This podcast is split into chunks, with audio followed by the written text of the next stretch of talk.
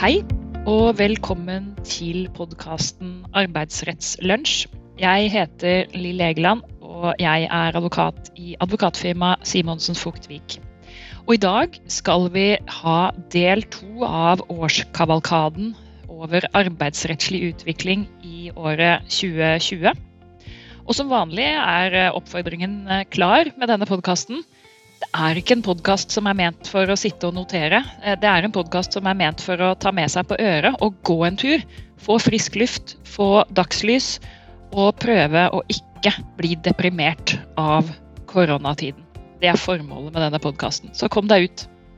I forrige podkast, del én av denne oppsummeringen, så sluttet vi i juni 2020. Og da sa jeg at det var to høyesterettsdommer som var interessante.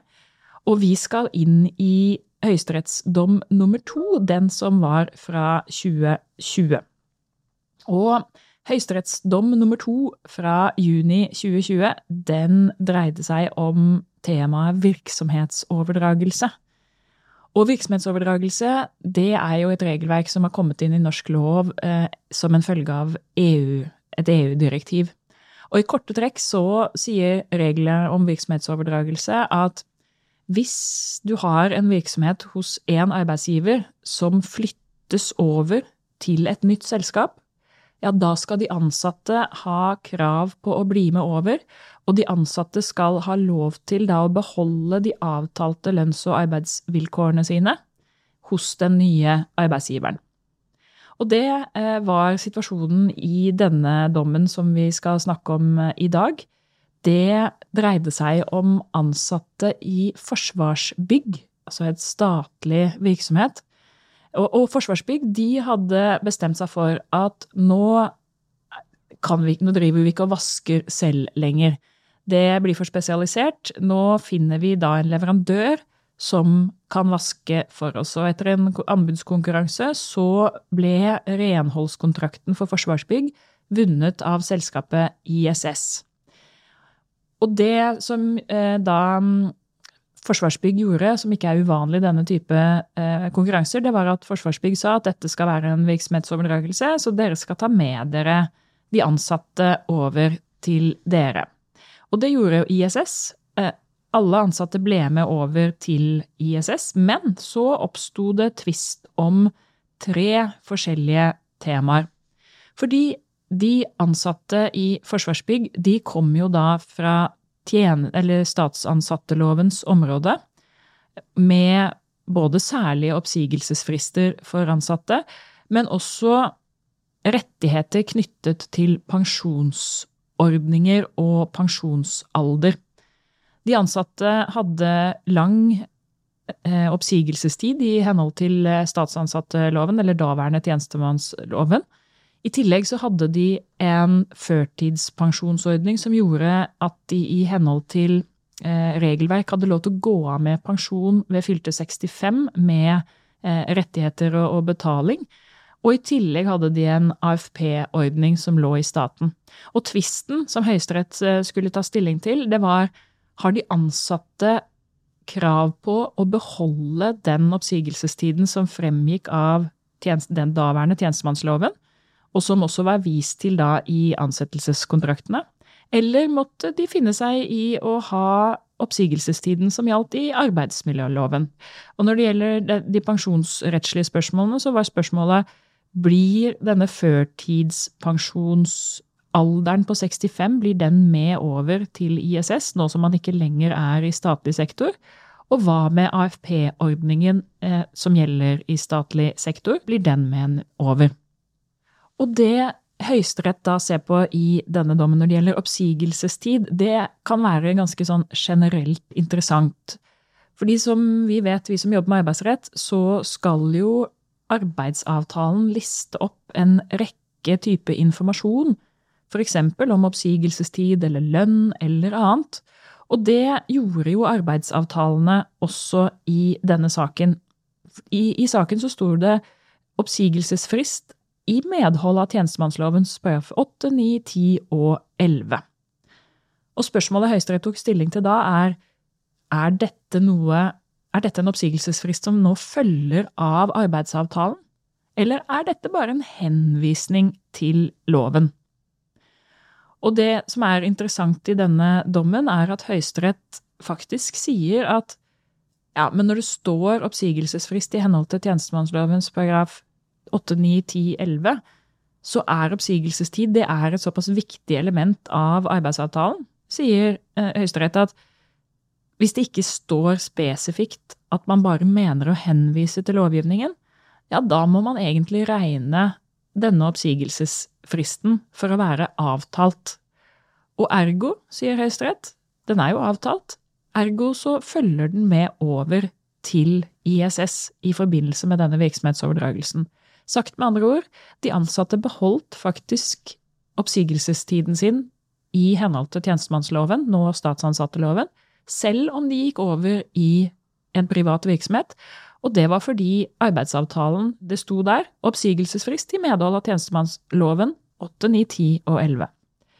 Det man kan ta med seg fra denne dommen, det er at hvis man ønsker å vise til lovgivning, men ikke ønsker å binde seg til at den lovgivningen skal bli en del av avtalen, ja, da må man være veldig spesifikk på det slik som Høyesterett har kommet til i denne dommen. Nå er dommen kritisert i juridisk teori, men det betyr jo ikke så mye. Så lenge den står der, så er det faktisk eh, det vi skal forholde oss til. Og med andre ord så er det viktig å være bevisst på det når man utarbeider ansettelseskontrakter. De to andre temaene i saken var jo særalderspensjon og AFP-ordning for statlig sektor. Jeg skal ikke gå eh, dypt inn i det. Jeg skal bare si at her kom Høyesterett til at det, dette ikke eh, hadde fulgt med over. Og Høyesterett begrunnet det med å si at det står i loven at den nye arbeidsgiveren har lov til å gjøre sin eksisterende pensjonsordning gjeldende. Og så er det sånn at man har en lære knyttet til hva er det egentlig som er eksisterende pensjonsordning, hva med eh, førtidspensjonsordninger osv. Og, og der kommer Høyesterett til, etter en vurdering som for så vidt er interessant, men litt spesiell, at disse to ordningene de må falle inn under det unntaket om at ny arbeidsgiver har lov til å gjøre sin eksisterende pensjonsordning gjeldende. Og ISS hadde sin eksisterende pensjonsordning. Med andre ord, sier Høyesterett, disse to rettighetene, førtidspensjon og AFP, de fulgte ikke med over til, AF, eh, til ISS. Det var høyesterettsdommen fra juni 2020. Så skjer det ting både i juli, august og september. Det er mange dommer, men ingen av de som jeg har tenkt til å gå inn på. I oktober så får vi en lagmannsrettsdom som skaper store bruduljer i det arbeidsrettslige miljøet. Vi skal ikke gå i veldig stor detalj om den, for den, den, er, den, er, komplisert. Det jeg kan si den dreier seg om, det er den såkalte ettervirkningslæren, som er en tariffestet lære. Og hva sier egentlig ettervirkningslæren? Ja, det er også ganske komplisert, men sagt med litt sånn tabloide ord, da. Så har arbeidsretten, altså det vil si spesialdomstolen for eh, kollektivavtaler, utviklet en, en lære som, som, sier at hvis noe først har kommet inn i en tariffavtale, så får det en ettervirkning. Det vil si det skal altså gjelde etter at tariffavtalen har sluttet å gjelde. Sagt med veldig overordnede og veldig upresise ord. Og i denne saken så var det spørsmål om ti arbeidstakere som hadde jobbet ved Grefsenhjemmet sykehjem. Og de hadde der hatt en, et særskilt lønnstillegg som fulgte av tariffavtalen som hadde med Virke. Og så meldte arbeidsgiver seg ut av Virke, inn i NHO, og over i en tariffavtale som ikke hadde et tilsvarende tillegg.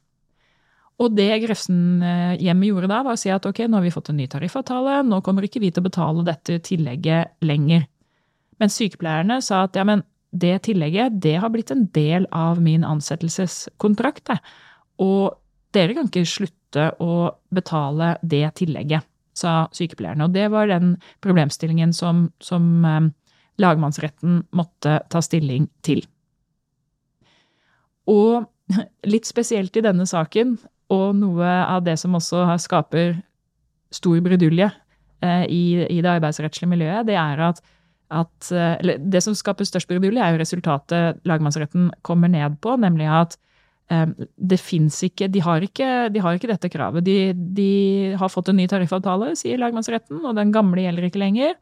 Det er ikke noe individuell ettervirkning av den. Og det er en konklusjon som bryter eh, mot eh, det som arbeidsretten gjennom flere dommer har kommet til. Og så er det spesielt at eh, arbeidsgiver la fram en upublisert artikkel som var skrevet om dette, og som argumenterte for at det ikke fantes en slik lære som sykepleierne hevdet. Og det er klart det også, i tillegg til resultatet, er noe som har skapt stor brudulje, og som, som arbeidsrettsjurister har argumentert sterkt mot, altså bruken av en upublisert artikkel som rettskilde. Denne saken er eh, sluppet inn for Høyesterett, så siste ord er ikke sagt i, i saken. Vi kommer da forhåpentligvis i 2021 til å få en avklaring på denne læren om tariffavtalers eh, ettervirkning sett med Høyesteretts øyne. Så det blir spennende. Da får vi følge med på hva som skjer der. Vi har nå kommet til november måned, og i november så kom det igjen en høyesterettsdom som vi allerede har hørt om. Vi har hatt en egen podkast på det, nemlig dette spørsmålet om likebehandling av vikarbyråansatte. Så den skal jeg ikke gå inn i i dagens eh, episode.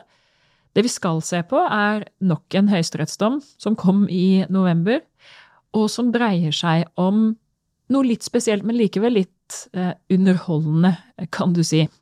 Det dreier seg om spørsmålet om ansatte som ble overført til en ny eier, har krav på å få en veldig lukrativ eh, ordning i forbindelse med en nedbemanning.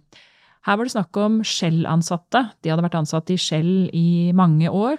Shell utfisjonerte en del av virksomheten sin til et nytt selskap. I Shell, som ikke er så uvanlig i eh, oljebransjen, så hadde man hatt ordning som var veldig lukrativ når det var snakk om nedbemanninger.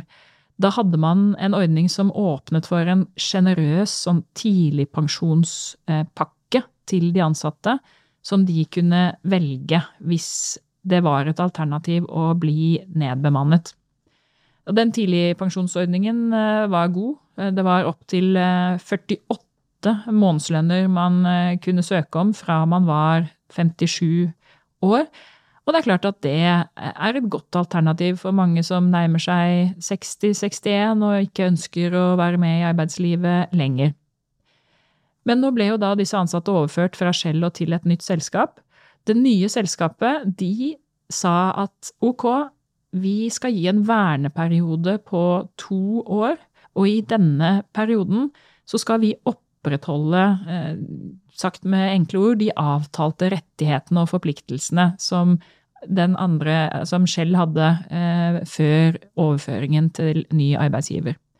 Og da kom spørsmålet for Høyesterett ja, men hva med denne ordningen som går på eh, nivået på tidligpensjonsordninger, da? Denne svært lukrative nedbemanningsordningen som Shell hadde tilbudt sine ansatte. Ble den med over, og er den vernet i denne toårsperioden?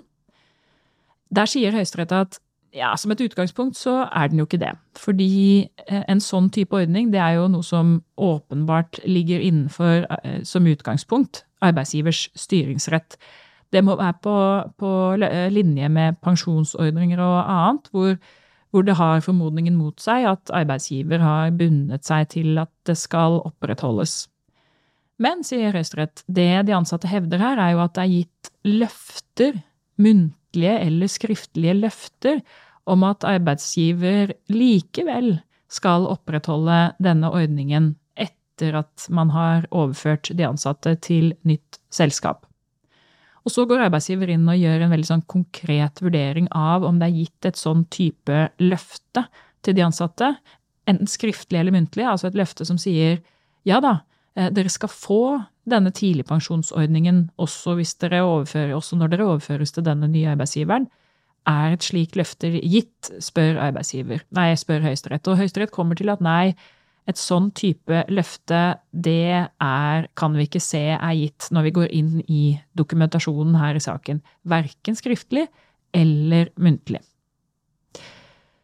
Så, har, så sier eh, arbeidstakerne ok, men hvis det ikke er gitt et sånt løfte, da det, det må være i strid med avtalelovens 36. Altså det er urimelig at, at, man ikke skal tolke alt det som er sagt, slik at vi har krav på dette løftet. Og den eh, anførselen tar Høyesterett eh, ganske lett på, og sier ganske enkelt at nei, her har det vært en grundig saksbehandling, og det er ikke sånn at arbeidsgiveren må bære risikoen for at arbeidstakerne misforstår og tror at dette er en ordning som blir med over.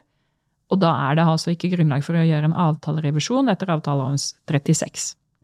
Så de ansatte fikk ikke medhold i denne saken, og arbeidsgiver var den nye arbeidsgiveren var ikke forpliktet til å opprettholde denne svært gunstige ordningen om førtidspensjon. Den siste eh, dommen fra november, det er en reiseregningsjuksdom fra lagmannsretten. Og det, dessverre, er jo et tema som eh, ikke er veldig uvanlig. Eh, I hvert fall ikke for oss advokater som, som rådgir i saker. Ganske hyppig så får vi denne type problemstillinger hvor arbeidsgiver har oppdaget at arbeidstaker har i større eller mindre grad tatt seg til rette, og man finner da reiseregninger som arbeidstaker har belastet arbeidsgiver, og som kan virke å være private.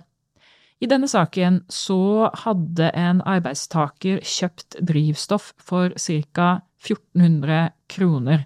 Drivstoff som man da mente var privat eh, kost, altså private eh, utgifter for arbeidstaker, og som da han hadde fått arbeidsgiver til å betale. Arbeidsgiver reagerte resolutt på dette og avskjediget arbeidstaker. Og det som skjer når en arbeidstaker blir avskjediget, det er jo at vedkommende ikke har krav på å stå i stilling så lenge saken verserer for domstolene.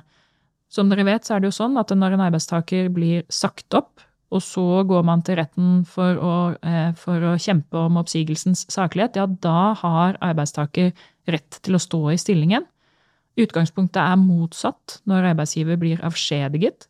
Da har arbeidstaker ikke rett til å stå i stillingen, og må som utgangspunkt sitte hjemme uten å få lønn eh, eller betaling, og får heller ikke jobbe. Det var arbeidstaker svært uenig i i denne saken, så arbeidstaker gikk til retten, sånn som man kan gjøre, og sa her begjærer jeg gjeninntreden. Jeg ønsker å stå i stilling eh, i denne saken. Og så fikk lagmannsretten da dette eh, spørsmålet på bordet. Er det grunnlag for å la arbeidstaker gjeninntre i stillingen? Og den bestemmelsen man ser på da i loven, det er arbeidsmiljølovens 1511 tredje ledd, som sier at arbeidsforholdet kan eh, fortsette, eller skal fortsette inntil rettskraftig avgjørelse, hvis eh, det er grunnlag for det etter den bestemmelsen. Og Så går man inn da og ser på ja, er det grunnlag for det her, tro? Ja, sier lagmannsretten. Det er også sånn at man avskjediget eh, denne personen fordi han kjøpte diesel for 1400 kroner til privat bruk. Og det er jo absolutt et argument som taler for at han ikke skal stå i stillingen. Så sier lagmannsretten at det vi må se på, eh, det er jo hvor sannsynlig er det at, en, at en sak vil, denne saken vil føre fram, og at arbeidsgiver vil vinne. Og da, sier, sier lagmannsretten, da er det jo sånn at i avskjedssaker så Hvis man skal legge til grunn et veldig belastende um, faktum, f.eks. denne påstanden om at han har brukt dette til private formål, ja, da er det et skjerpet bevis, eh, beviskrav i, eh, sånn, som, sånn som rettspraksis har utviklet det. Da er det ikke nok at man mener det er bevist med 50 sannsynlighet, da må det være såkalt kvalifisert sannsynlighetsovervekt. Og eh, det som vi ser her, sier lagmannsretten, det er at A, altså arbeidstaker, da, mener at det at han da betalte disse 1400 på privat, altså brukte kortet til private formål, det virker ikke veldig veloverveid.